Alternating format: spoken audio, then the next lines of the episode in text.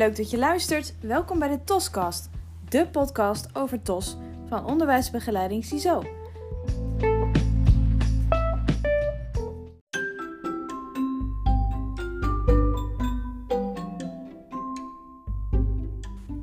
Vandaag aflevering 2 met als onderwerp woordvindingsproblemen.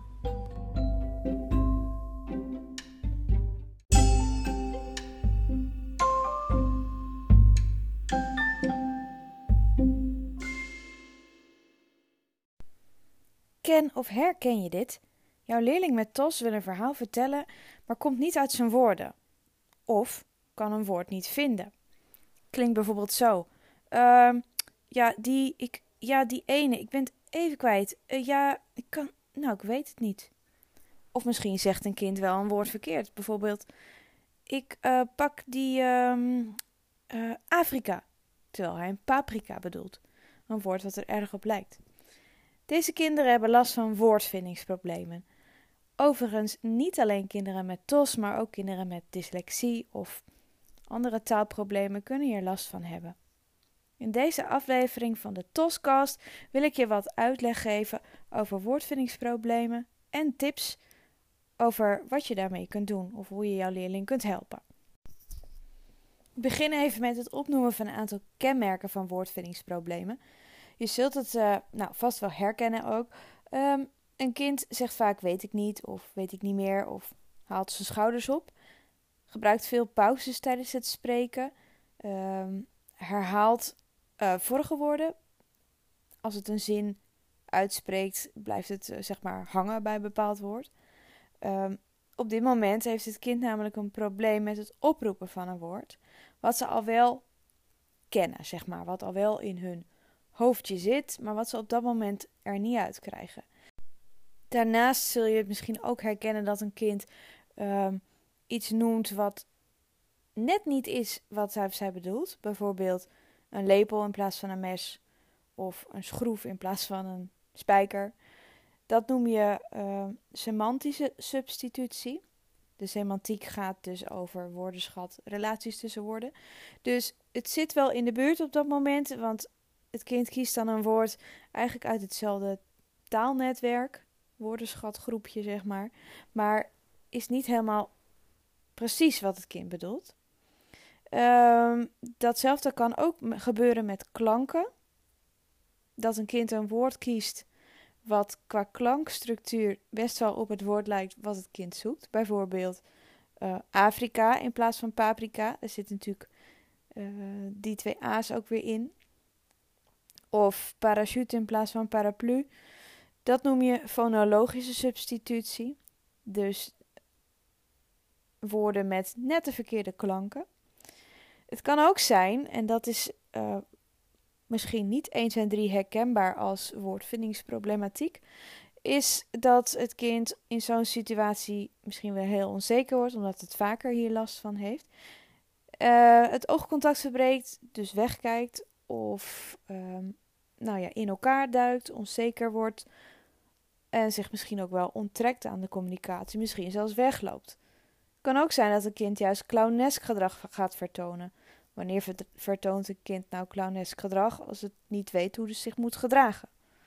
Dus het kind kan er ook een beetje gek om gaan doen. En natuurlijk is een grapje maken niet erg.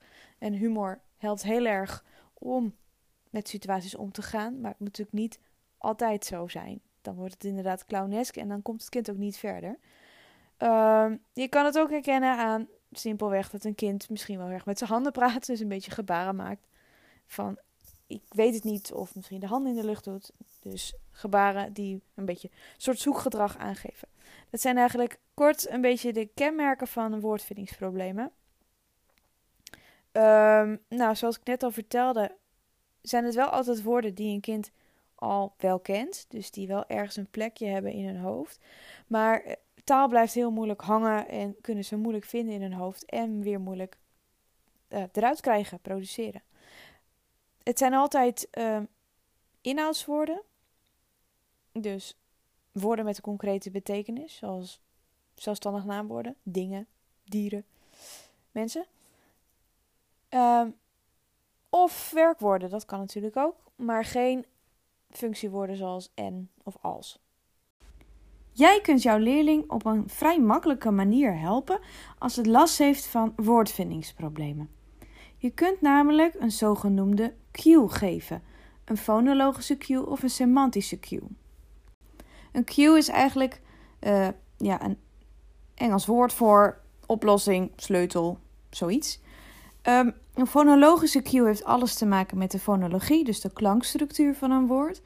En als je een fonologische cue geeft aan een kind, dan geef je eigenlijk de eerste letter of klank of lettergreep geef je alvast, zodat een kind dat hoort en dan ineens wel op een woord kan komen.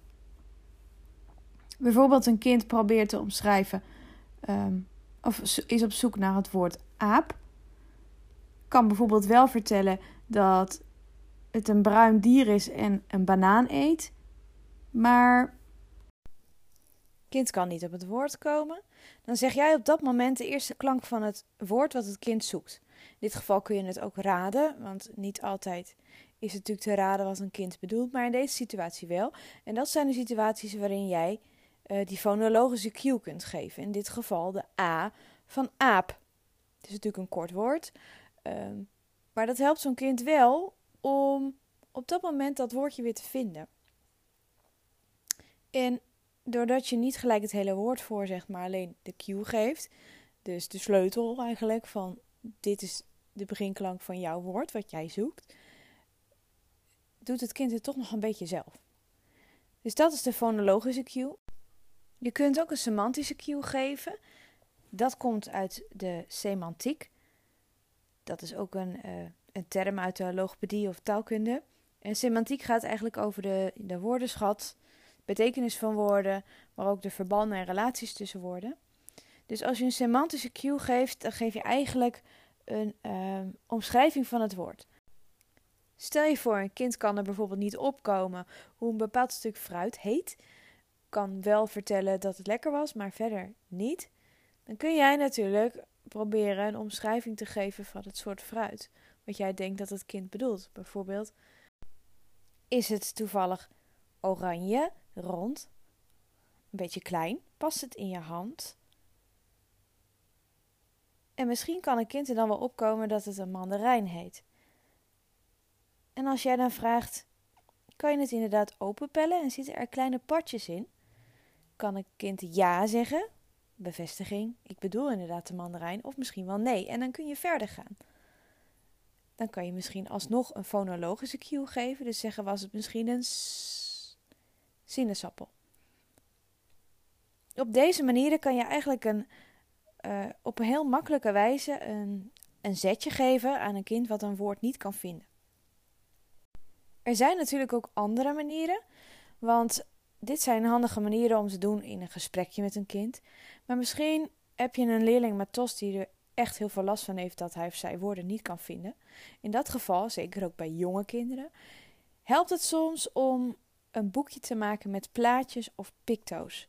En zoals je misschien weet, is uh, de visuele kant van kinderen met TOS vaak veel sterker dan uiteraard hun taalkant. Dus je kunt hier mooi gebruik van maken, want hoe prettig is het als een kind wat niet op een woord kan komen, dit kan aanwijzen. En met name jonge kinderen die ook nog een erg kleine woordenschat hebben en misschien ook nog wel lastig te verstaan zijn, kan het echt een uitkomst bieden om samen met zo'n kind een uh, boekje te maken. Dat kan namelijk erg helpen om op het moment dat hij of zij het woord niet kan vinden en soms ook een fonologische of semantische cue niet werkt, um, kan het dus wel helpen om in zo'n boekje iets aan te wijzen. Zorg er dan wel voor dat je altijd wel taal blijft gebruiken. Dus niet genoegen meeneemt dat een kind alleen aanwijst en dan zegt: Oké, bedoel jij um, boterham?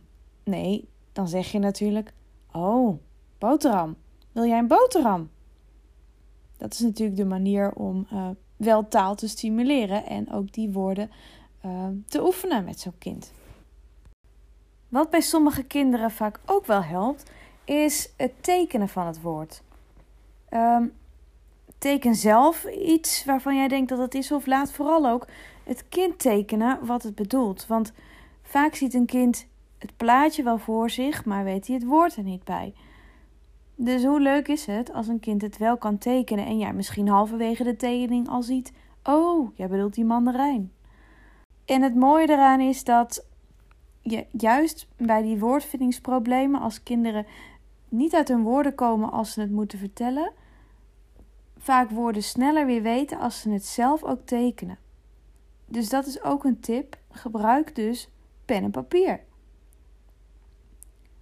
Heel soms helpt het ook al om uh, de eerste letter voor een kind op te schrijven. Natuurlijk wel bij kinderen die uh, kunnen lezen. Um, wat ook kan helpen is uh, gebaren gebruiken.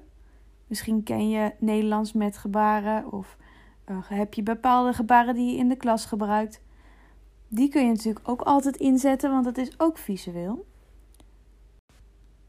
Wat ook nog kan helpen is uh, zinvolle vragen stellen aan een kind, zodat een kind getriggerd wordt met uh, woorden die te maken hebben met het woord wat hij of zij zoekt.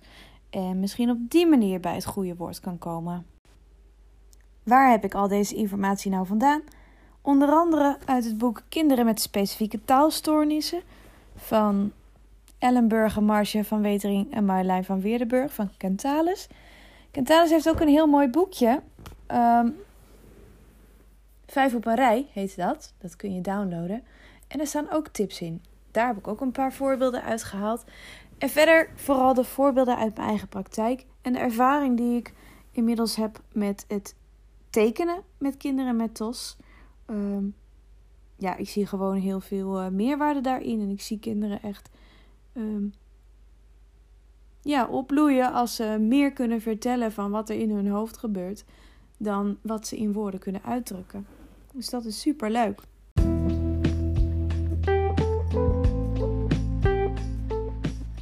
Dus ik wil jou bedanken voor het luisteren van deze Toscast. En hopelijk tot de volgende keer. Doei!